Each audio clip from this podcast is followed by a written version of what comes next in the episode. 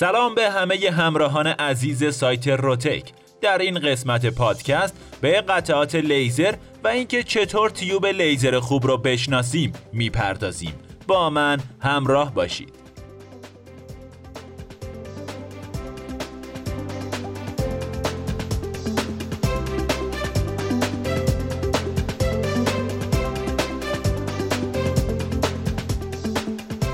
لیزر یکی از مهمترین قسمت های دستگاه برش لیزریه لذا داشتن اطلاعات مناسب و امکان مقایسه این تیوب ها از نظر علمی و بدور از هر گونه اقراق فروشندگان به هر فردی در انتخاب دستگاه مناسب کمک بسزایی می‌کنه.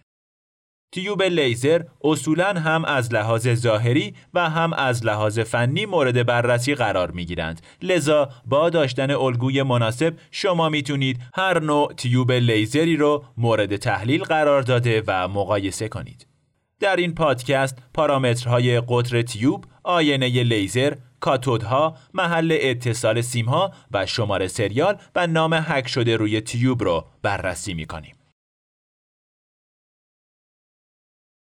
قطر تیوب لیزر قطر تیوب لیزر یکی از مهمترین پارامترهای ظاهری در انتخاب اونه.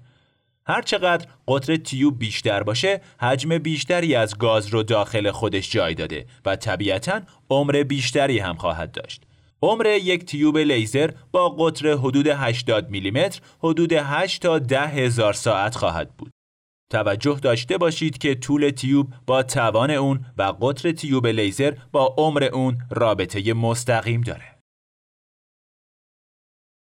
آینه های تیوب لیزر تیوب لیزر دارای دو آینه با ضرایب باستاب متفاوته و بهتره بدونید که آینه هایی که به صورت هوا خنک کار می کنند از کیفیت باستاب و عمر بالاتر و البته تلفات بسیار پایینتری برخوردارند. بنابراین در مقایسه ظاهری تیوب لیزرهایی که دارای آینه های آب خنک و یا پره های خنک کننده در کنار آینه ها هستند دارای آینه هایی با کیفیت پایین تر هستند. کاتودها کاتودهای داخلی تیوب لیزر معمولا از جنس آلومینیوم هستند و هیچ گونه زنگ زدگی و رنگ برگشتگی ندارند. بنابراین در صورت مشاهده هر گونه زنگ زدگی یا دورنگ شدن فنرها و کاتودها احتمال بیکیفیت بودن تیوب وجود داره. محل اتصال سیمها تیوب لیزر با کیفیت دارای محل اتصال با پیچ و کابلن و نیازی به آیق کاری بعد از اتصال ندارند ولی تیوب لیزرهایی که از محل اتصالی چون پین، سیم و محل لحیم شدن استفاده می کنند به تب از کیفیت پایین تری برخوردارند.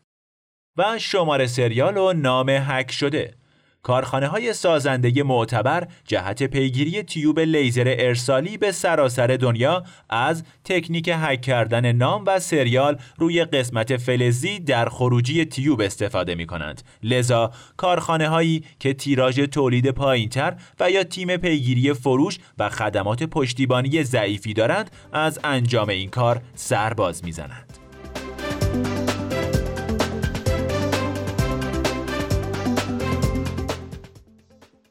بعد از بررسی پارامترهای تیوب لیزر به اصول نگهداری تیوب لیزر می‌پردازیم. تیوب لیزر هسته اصلی دستگاه لیزره بنابراین نگهداری از اون بسیار اهمیت داره همونطور که در قسمت‌های قبل گفتیم تیوب لیزر در دو نوع فلزی و شیشه‌ای موجوده که تیوب لیزر فلزی نسبت به تیوب‌های شیشه‌ای مزایای بیشتری داره. اما به خاطر قیمت بسیار بالای اون نسبت به تیوب شیشه‌ای طرفداران کمتری داره. به دلیل شکنندگی تیوب لیزر شیشه‌ای بهتره از اون به بهترین نحو ممکن نگهداری کرد چون یکی از مهمترین قسمت‌های دستگاه لیزر CO2 همین تیوبه. در انتها پنج نکته مهم در مورد تیوب لیزر رو بررسی می کنیم. یک نصب و نگهداری صحیح تیوب لیزر به طوریه که از تمام قدرت پرتو لیزر استفاده بشه و در ارتباط با سیستم خنک کننده آبی باشه. دو آب خنک کننده سیستم باید به محض آلوده شدن تعویض بشه. در غیر این صورت تیوب لیزر به آسونی ترک می‌خوره. جمای آب باید بین 15 تا 18 درجه باشه و اگه به 30 درجه افزایش پیدا کنه به تدریج قدرت تیوب کم میشه.